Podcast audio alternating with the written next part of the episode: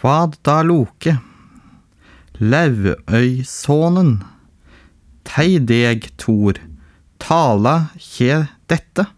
Snart kjem jotnar til Åsgård bygge, om inkje din hammar du heimtar att. Batt deg om Thor då brudeline, og det bjarte bristninga menet. Let deg om honom lyklar ringle, og kvende klede om knea falle. Sett på eh, brosjet, breie steinar, og hagleg batt deg eh, hovdutoppen. Da kvad Loke Lauøysonen, meg til terne du taka med deg, så eke med tu kvende til Jotunheimen.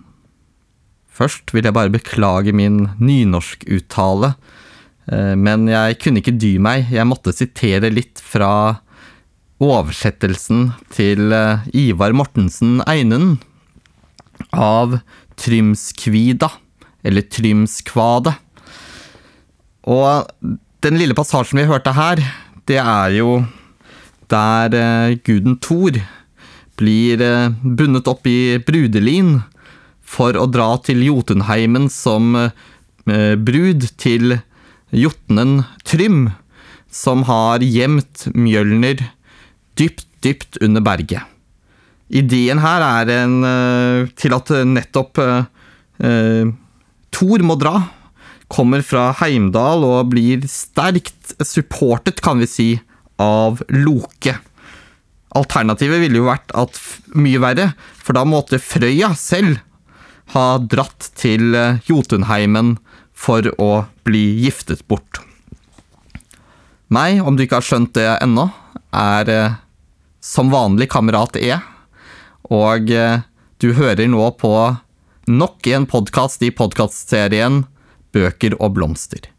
Og siden vi nå er i fagre juni måned, eh, og hele verden, i hvert fall deler av verden, feirer pride, så tenkte jeg at vi skulle gå litt inn i den norrøne litteraturen. Og se litt på et par-tre skeive historier fra den norrøne mytologien. Og jeg kan jo allerede informere nå, hvis du er interessert i det, eh, dette materialet her, så er det også å finne eh, på trykk et eh, lengre essay eh, nettopp om eh, Valhall på skeive er tittelen, da. Eh, eh, om da norrøne guder og deres skeive tilbøyeligheter i eh, Skeivt opprør volum 1, som blir lansert eh, under skeive opprørsdager nå i sommer. I slutten av juni 2021. Det vi begynner med her, som jeg allerede har introdusert, er Trymskvadet. Og det her er en besynderlig fortelling. Eh, spesielt hvis vi tenker oss de norrøne kjønnsrollene. For her ser vi at eh, guden Thor, som ofte er liksom macho-gutten i, eh, i Midgard, eh, han som går ut og banker opp troll og rimtusser og eh, jotner og riser og alle disse andre som må bankes opp. Han blir, for å si det sånn, dragget opp såpass overbevisende at i hvert fall jotnene og jotnenkongen Trym eh, skal bli overbevist om at det egentlig er Fagre Frøya som kommer eh, for å bli giftet bort. Og da kan vi jo da lure litt på om eh, utseendelikheten mellom Fagre Frøya og eh, machoboy Thor, om den var veldig slående, eller om det var bare veldig Kall det litt sånn dårlig øyesyn hos, uh, hos uh, disse jotnene. For det står jo beskrevet nedover uh, i dette, dette diktet her at Thor kommer til, til da hallen til, til Trym. Forfulgt, av, fulgt med da av Loke, som da har kledd seg for anledningen veldig velvillig opp som terne, altså det vil si en kvinnelig medtjener for bruden. Um, bare sånn at vi har det klart, at her er det ikke bare uh, vår venn Thor som er uh, iført kvinneklær. Uh, Loke er også det. Men de kommer da til denne hallen, og, og der blir det litt sånn uh, spesiell stemning, for uh, Trym blir jo i fyr og flamme forelsket med en gang uh, han ser Thor i Frøyas brudelind med bristninga med henne. Og han prøver jo, som den sikkert litt kåte jotnen han er, å kysse litt på sin kommende brud.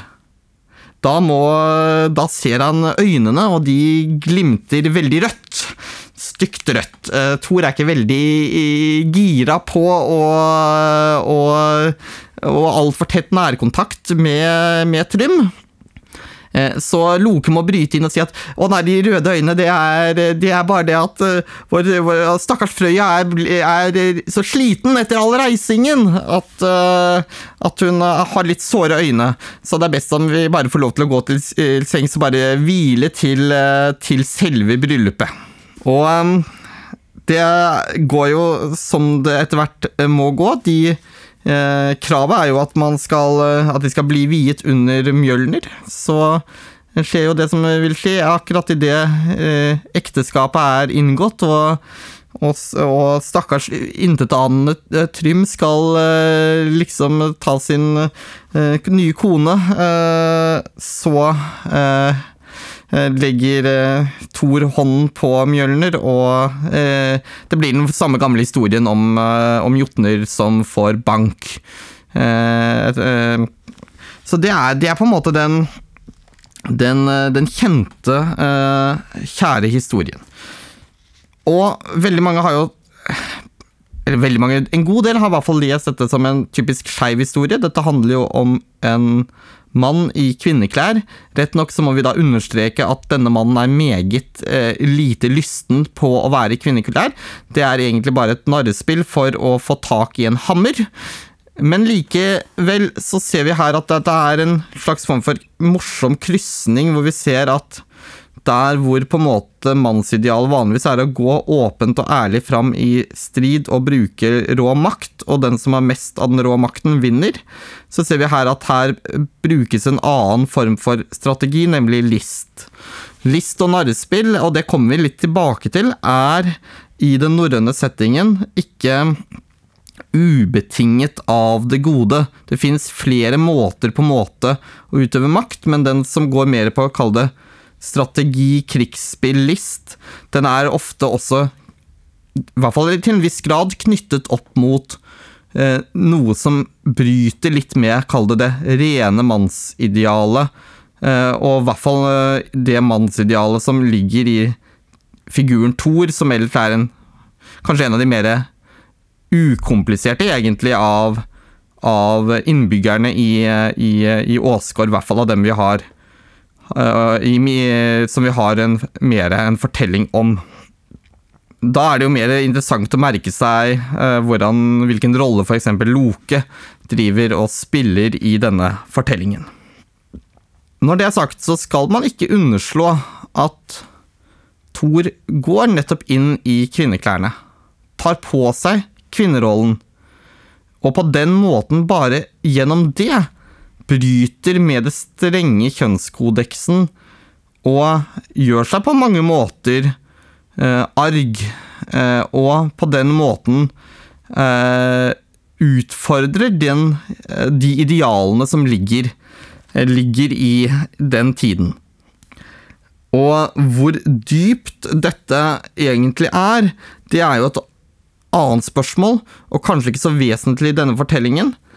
Uh, mange måter kan vi lese Trymskvadet som et ganske uh, humoristisk, egentlig, uh, lite spill. Men det vi ser, er jo at Frøya, som var den som egentlig denne jotnen begjærte, da, og krevde å, få til kone Hun er det på ingen måte snakk om at skal plettes ned og, og på en måte gis bort. Så på et eller annet vis er Frøya her eh, viktigere, sånn at man må finne en annen strategi enn å gifte bort Frøya, eller på noe som helst vis utsette Frøya for vanære. Det kan vi tenke at er en, er en litt sånn interessant lesning, og, og, og som kontekstualiserer dette kanskje ikke så veldig dype eh, diktet enda litt mer. Så er det jo slik at uh, Thor på ingen måte er den mest skeive. Jeg har antydet allerede at det var flere skikkelser her som er mer skeive. Uh, og vi har jo to stykker, og de er jo til alt overmål fosterbrødre. Uh, som jeg vil påstå kanskje har rollene som de to mest skeive beboerne i Midgard. Eller i da Og i, i Åsgård, mener jeg. De to mest skeive der, det er Loke, som vi stadig vekk kommer eh, inn på. Men også allfader eh, Valfader Odin. Odin går meget langt for kunnskap. For kunnskap og makt gjør Odin hva som helst henger seg ni dager i Yggdrasil, uh, er én ting. Ofrer ene øyet i Mimes brønn. Det er en annen fortelling. Fra Frøya, vanegudinnen, lærer Odin seidens kunst. Og hva er dette seid? Det vet vi ikke helt. Vi vet at seid er forbundet med det som i kristen tid har blitt omtalt som trolldom. Vi vet at det var en periode, spesielt på 1800-1900-tallet, hvor det var populært å lese seid inn i samme tradisjonsrekke som eh, sjamanisme og, eh, og seidmannen. Eh, og Volven ble lest inn som en, på en måte en norrøn ekvivalent til det samiske noaiden. Om dette er en påvirkning fra det samiske, eller om det er en påvirkning fra det finske, eller om dette er en, på en måte en opprinnelig norrøn eh, tradisjon, det er eh, det er ingen som kan si med sikkerhet. I hvert fall eh, hersker det her ulike tolkninger. Det vi kan si, er at seid-praksisen er forbundet med noe som går utover de vanlige, fastlagte rollene og funksjonene i samfunnet. Her ser vi at uh, det kanskje til og med er rituelle handlinger som noen mener i hvert fall bryter fundamentalt med normene og de hierarkiene og reglene som ellers er. Vi må vite om det norrøne samfunnet at det er et hierarkisk samfunn. Det er et samfunn som består av folk som tilhører veldig klare ulike Eh, på en måte funksjoner og roller. Du er født inn i en rolle. Du kan være en fri bonde, du kan være en fri kvinne. Du kan være en storbonde, du kan være en trell, du kan være en jarl. Og du, til slutt kan du bli kanskje en konge. Eh, men du har forskjellige roller, og det å flytte mellom disse forskjellige rollene er vanskelig. Samtidig har du også klare roller, i hvert fall for frie bønder, Eh, og høyere opp i systemet selvfølgelig også, mellom eh, hva som er en manns rolle og hva som er en kvinnes rolle. Når det er sagt, så skal vi ikke, er det ofte trukket frem at kvinnene i vikingtiden og i norrøn tid hadde mye frihet. Eh, de hadde i hvert fall makt innenfor gården og innenfor, innenfor, huset, innenfor langhuset. De hadde husets nøkler, tilgang på forrådskammer. De hadde makt til å avslutte festen ved å ikke lenger komme med øl eller mjød til, eh, til bordet. Eh, det er for øvrig en tradisjon som ble ivaretatt lenge etter i mange bygder, eh, så langt som ut på 1700-1800-tallet, at nøklene til ølkjelleren og stabburet var hellige, og det var kvinnen som kontrollerte dem på gården. Det betyr ikke at i samfunnet utenfor gården, f.eks. på tinget eller i en situasjon hvor det er strid med andre samfunn, vi må tenke oss at dette er mange små samfunn rundt omkring som i større eller mindre grad har kontakt med nabosamfunnet, men stort sett fungerer ganske autonomt. At, eh, at kvinnene dermed, eh, i hvert fall i rollen av, av hustru og eh, bestyrerinne, kan vi kalle det, på, på, gården, har noe å si i møte med andre aktører. Så det er mannen som er på en måte i den ytre verden. Så det er et klart kjønnsdelt samfunn. Og det er veldig tydelig også gjennom klesdrakt, gjennom attributter. Men vi ser også at det er tegn på ting som går imot dette. Man har funnet eh, kvinnegraver eh, med, eh, med våpen som indikerer eh, at det må ha vært, eller vi antar at det har vært en krigergrav. Og det er den type ting som er vanskelig å på en måte plassere, men som også har en historie om, og det er mange historier om eh, skjoldmøyene, kvinner som gikk i strid, eh, og som kjempet eh, sammen med menn, eller som menn. I tillegg så er det en annen side ved dette samfunnet, og der kommer vi inn på dette med seid igjen. Jeg måtte bare fortelle litt om hvordan strukturene er, bare for å si også hva det vil si å bryte strukturene, og hvorfor det en, kan ha en spesiell religiøs betydning. Det finnes to former for religion, eller det finnes mange former for religion, men hvis vi forenkler litt, at vi har én praksis som er den kalte straight forward, liksom, som er og opprettholder maktstrukturene og de båsene vi har eh, foran oss. Så kan vi si på en annen side at du har strukturer som er, og praksiser som i større grad går forbi og på kryss og tvers av det som ellers er normer og regler. Gjerne med et, kall det et magisk formål, altså et formål å få noe til å skje. Påvirke kreftene i verden rundt til å få dem til å virke på en bestemt måte. Og seid, det kan nettopp være en sånn type praksis hvor man kan reise inn i en annen eh, dimensjon, reise i tid, rom, sted, eh, og inn i forskjellige uh, verdener hvor man kan få kunnskap som er skjult uh, ellers. Man kan få mulighet til å påvirke krefter i naturen, i verden. Man kan utøve uh, forskjellige praksiser med, med, med sang og, og besvergelser som da kan ramme andre. Og i disse praksisene så har vi også både attributter, men også praksiser som bryter med kjønnsforventningene. Vi har kvinner eh, som går inn i rollen som da blir ofte omtalt som volve, som både kjenner til spådomskunst, eh, som kan reise fritt mellom eh, byer og bygder og, og, gårder. Det var ikke så mange byer egentlig på den tiden i, i, i Skandinavia, men mellom bosetningene. De kan også snakke friere, og har på mange måter mange av de maskuline eh, sosiale kodene eh, knyttet til seg. Så har du på den andre siden igjen de mannlige utøverne av seidpraksis, seidmenn. Og seidmenn er omtalt eh, ofte noe nedlatende i sagaene.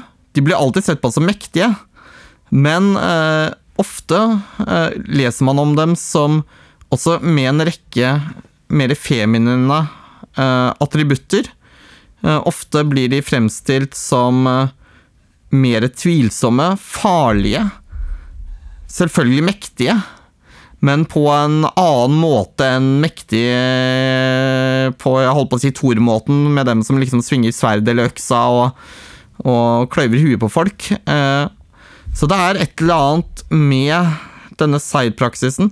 Noen forskere har jo til og med gått så langt som å påstå at og mene at eh, en del av side-praksisen også involverte enten tenkt eller utøvd homoseksuelle handlinger. Eh, mellom eh, seidmenn. I alle tilfeller så vet vi at en seidmann var veldig nær å være eh, en nidding, en som var fredløs. Så du har denne, på den ene siden, veldig viktige, nesten opphøyde posisjonen, men samtidig denne rollen som den mest foraktede i samfunnet. Og hvorfor sier jeg alt dette her når jeg skulle snakke om noen gamle dikt? Jo, for det at Hvis jeg nå går til av, et annet morsomt dikt, eh, Loketretten, hvor eh, vår gode venn Loke eh, har træsja festen til gudene nede hos eh, i Ægers forgylte gullhall på havets bunn. Eh, alle gudene er liksom samlet til fest. Eh, Loke er ikke invitert. Loke dreper dørvakta. Eh, kommer inn og krever å få øl. Og begynner, etter å ha drukket tom et par drikkehorn, å fornærme i tur og orden alle de forskjellige festdeltakerne og beskylde dem for de mest eh, grufulle beskyldninger. Eh, som da gjør Loke selv til å bli fredløs blant gudene. Eh, det er ganske fornøyelig, for helt i starten av, av Loketretten så eh, presiserer eh, vår eh, venn Loke når gudene først ikke vil skjenke opp øl til han. De syns jo at dette er litt sånn tvilsomt når han har allerede drept liksom tjeneren til eh, Ægir og trasha festen. Jeg skjønner jo liksom greia her. Men da eh, understreker Loke Loke kvad, minst du, Odin, i opphavs tider, da blod med blanda saman. Øl du smaka, aldri skulle, utan det også både vart bådi. Og selvfølgelig så husker Odin det, og, og vil ikke nekte sin fosterbror Han kan ikke nekte sin fosterbror eh, øl. Eh, blodsbrødre og fosterbrødre er de.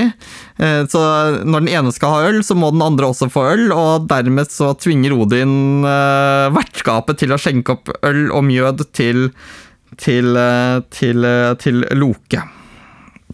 Men det blir jo bedre, dette her. og Loke går jo systematisk til verks, som nevnt. Fornærmer den ene etter den andre. Uh, og her har Loke nettopp uh, fornærmet uh, Jevjon, som er blant annet Som er en sånn kjent som jomfrugudinne, en slags form for kysk fruktbarhetsgudinne, en landbruksgudinne. Men også kjent som en og i senere tid blitt kjent som et litt sånn lesbisk symbol, da, siden hun ikke er knyttet til en bestemt mann. Men hun har da veldig mange Hun avler noen sånne sønner allikevel, da. Eh, med noe troll, da, så blir det noen okser da, som hun bruker til å pløye ut uh, noen danske øyer ut fra, fra Sverige, da. Uh, artig sak. Men da har vi eh, her at Odin må føle at han må bry, bryte inn og irettesette Loke, da. Og Loke svarer jo, Tei du, Odin, aldri du kunne skifte striden likleg, ofte til deg du ikke skulle, til småmenn siger du gav.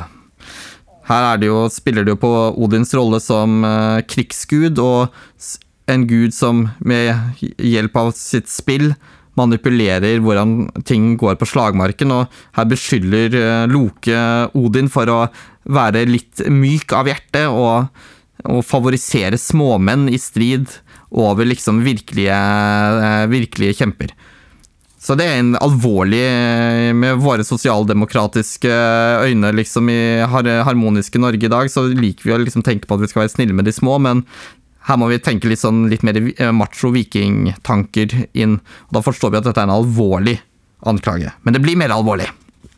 For Odin svarer om eg til deg eg ikke skulle til småmenn siger gav, du var åtte vetrar under jordi, mjølkeku og kvende, der born hev du bori, kjerringgjerd kallar eg slikt. Her eh, kommer det med kraftige beskyldninger om, eh, om Loke, og at Loke da er eh, som eh, på mange måter, i stedet for å i det hele tatt bry seg om å delta på disse stridene, holder på med kjerringting eh, under jorda. Eh, men eh, Loke er ikke, ikke mindre freidig enn at eh, han svarer. Seiding dei sagde på Samsøy dreiv du, trolla på volvevis i Trollkjerringham. Over heimen du for, kjerringgjerd, kaller eg slikt. Og her kan vi da merke oss at ikke nok med at vår venn Odin driver med seid, men uh, han gjør det også ikke bare i kjerringklær, men i kjerringham. Altså med en kjerringkropp, altså kvinnekropp. Så vi ser jo her at de begge to gir jo hverandre det litt sånn uh, glatte lag i denne, i denne her feiden her. Vi kan jo se videre at det uh, går noen runder til, hvor man også da for eksempel uh, at det rettes kritikk mot, mot Frøya, som jo da i sin tur var den som lærte Odin seidkunsten. Og Loke eh, svarer til, til, til Frøya her. Tei du, Frøya, trollkjerring er du. Med svikerdåder er du sprengd. Med bror din i lag, blide gudar fann deg. Da for du ikke ått fint. Her eh, beskyldes jo Frøya for å både være manipulerende og drive med eh, svik, og trolldom og i tillegg ta seg eh, noe til rette blant de andre gudene. Og da kan vi sikkert også her lese inn den seksuelle biten om at hun også utnytter sin seksualitet til å forføre og manipulere de andre gudene. Så vi forstår jo hvordan denne her, eh, greia her går. Eh, man kan ikke komme med så mange beskyldninger mot så mange mektige uten å få seg en på tygga. Det har vel kanskje noen erfart på en eller annen grendefest også. For dette er litt sånn grendefeststemning, kan man, eh, kan man kjenne på. Jeg kan jo si hvordan dette her eh, kalaset her til slutt ender. Det ender jo som det må gå, at Loke blir, uh, blir bannlyst. Han blir uh, nidding må flykte opp på fjellet. Og så her går det jo en historie som også er gjenfortalt andre steder, blant annet i i, i Det er vel i Gullvaginning eller Skaldaskaparmål. Hvor vi også har samme fortellingen, at Loke bygger seg på et høyt fjell, et hus med fire dører, én i hver himmelretning, og på dagen så gjemmer han seg inn i en bekk som en laks. Bare så synd for Loke at han også finner opp fiskergarnet og dette her nettet, det prøver han å ødelegge, da. Men gudene finner det og bruker det til å fange han, og så tar de og kler han naken, eh, lenker han fast i en underjordisk eh, verden. Eh, eh, bundet fast med sin egen sønns tarmer. Som, lenge, som blir til stål når, når de er liksom ferdig, ferdig bundet. Og der ligger han. Eh, med en svær giftslange over seg som drypper gift ned på ansiktet hans. Men uh, av en eller annen grunn så har Loke en veldig, veldig sånn Hva skal vi si uh, Trofast kone uh, som står og holder et fat. Sånn at denne her giften ikke skal falle ned på, på stakkars Loke. men dette fatet må jo tømmes, og da drypper giften ned, og da rykker det til i smerte eh, hos stakkars Loke, og da får vi jordskjelv. Eh, sånn var i hvert fall fortellingen der. Eh, så skal jo etter hvert Loke bli fri av dette, men eh, da kommer Ragnarok, og det er en annen fortelling. Den har vi ikke tid til å ta her i dag. Det er mye gøy vi kan si også om det, og kanskje kommer vi tilbake til det en annen gang på Bøker og blomster. Men nå har vi tatt for oss et par, eh, par eh, sånne fine små passasjer. Jeg har litt lyst til å gå enda litt dypere inn i personen Loke. Uh, for det er jo veldig, veldig mye å si, og det er mer enn bare trollkjerringham som vi kan snakke om her. Og da er det jo spesielt én historie som jeg tror vi ikke kommer unna. Den er å lese i det som kalles for Snorre-Edda, eller Den yngre Edda.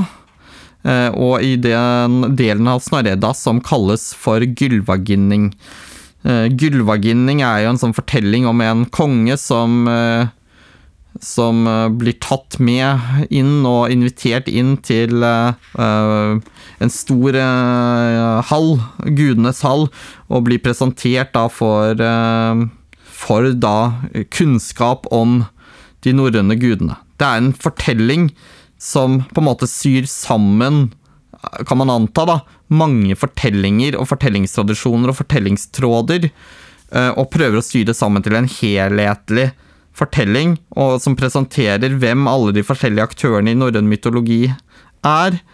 Eh, hvor de kommer fra, hvem er de, hva gjør de?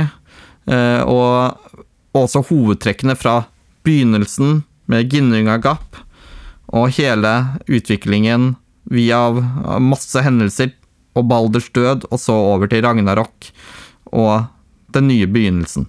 Med referanser hele veien til f.eks. Vålhusbå, Håvamål eh, og de andre eh, diktverkene som vi da finner i det som ofte omtales med mer eller mindre rette som den eldre Edda, eller poetiske Edda. Og da nevnte jeg jo innledningsvis at den eh, poetiske Edda, der eh, kommer vi ikke unna oversettelsen til Ivar Mortensen eh, Matlaus Einund. Fra tidlig 1900-tall, hvor de første tekstene ble vel utgitt allerede i 1905. 1905-1906. Eh, Så da skal vi gå på en liten skobit av en fortelling her, og det er jo en litt lengre fortelling. Så sett deg godt til rette og skru opp volumet, liksom, og, og, prøv å nyte uh, fortellingen og hør forbi all min knoting. Vi skal nå fortelle om hvordan hesten Sleipne blir født. Ganglere, den hesten Sleipne, kven eig den, og hva er å seia om han? Høg, du veit uh, ikke korleis Sleipne er laga, skjønner jeg og ikke korleis det bar til at han vart avla heller.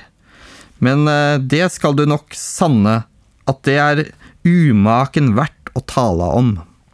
Det var tidlig i den første tida, da æsene busette seg fast og hadde reist Midgard og bygd Valhall, at det kom ein handverkar der og baud seg til å bygge på halvtannan år ein steinmur så traust at han lett kunne stå seg mot åtak fra bergrisar og rimtussar om de skulle ha kommet seg innom Midgard.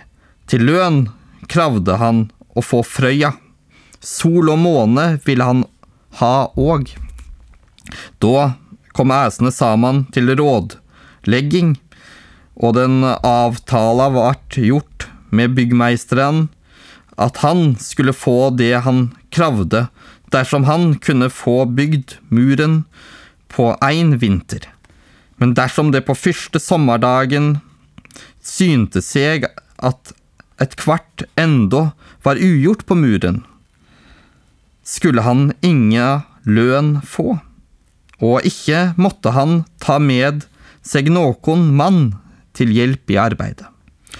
Da de la fram for han disse vilkåra bad han om lov til å ta til hjelp hesten sin, som heit Svadilfare, og Loke fikk deg til å gå med på det. Første vinterdagen tok han til å bygge muren, og om nettene drog han fram stein med hesten. Esene tykte det var reint utrolig hvor stor, store berg den hesten drog. Ja, hesten gjorde tvifelt så mye arbeid som byggmeisteren. Men avtala var, gjort, med sterke vitne og mange eidar, for jotnane torde ikke være saman med æsene uten trygd dersom Thor skulle komme heim. Men nå var han faren i Austerveg for å slå i hel troll. Ettersom det leid ut gjennom vinteren, måna det mykje på muren. Så høg og sterk var han at ingen kunne komme nokon veg med åtak på han. Og da det bare var tre dager att til sommermål, da var muren ferdig mest heilt fram til portåpninga. Da sette æsene seg på domstolene sine og la råd.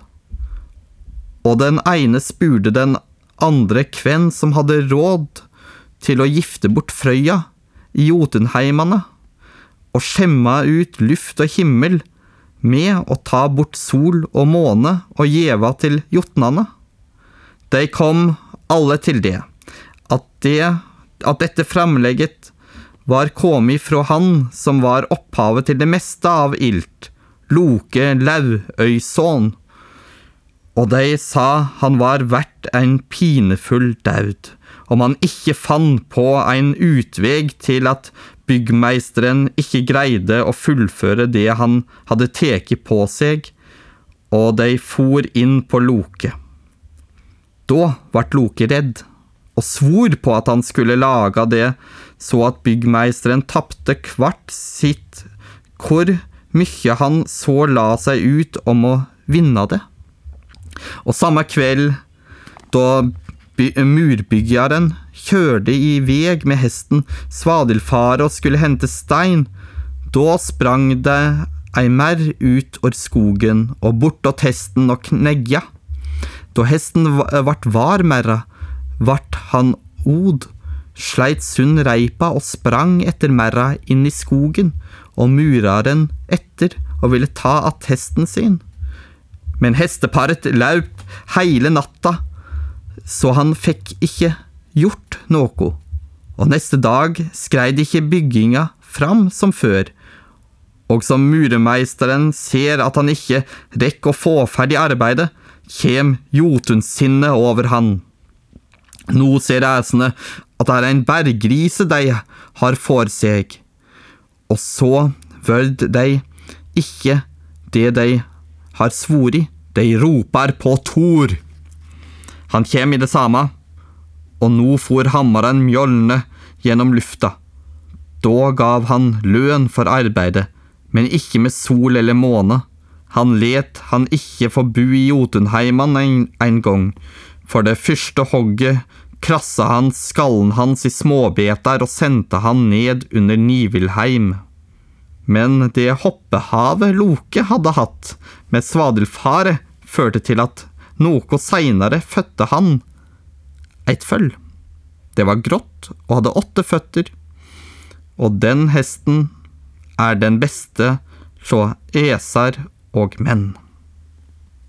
Det var fortellingen om hvordan Loke forfører hesten Svadelfare, og ikke bare forfører, men også da tydeligvis gjør mer ute i skogen, og i alle tilfeller blir Loke mor til hesten Sleipne.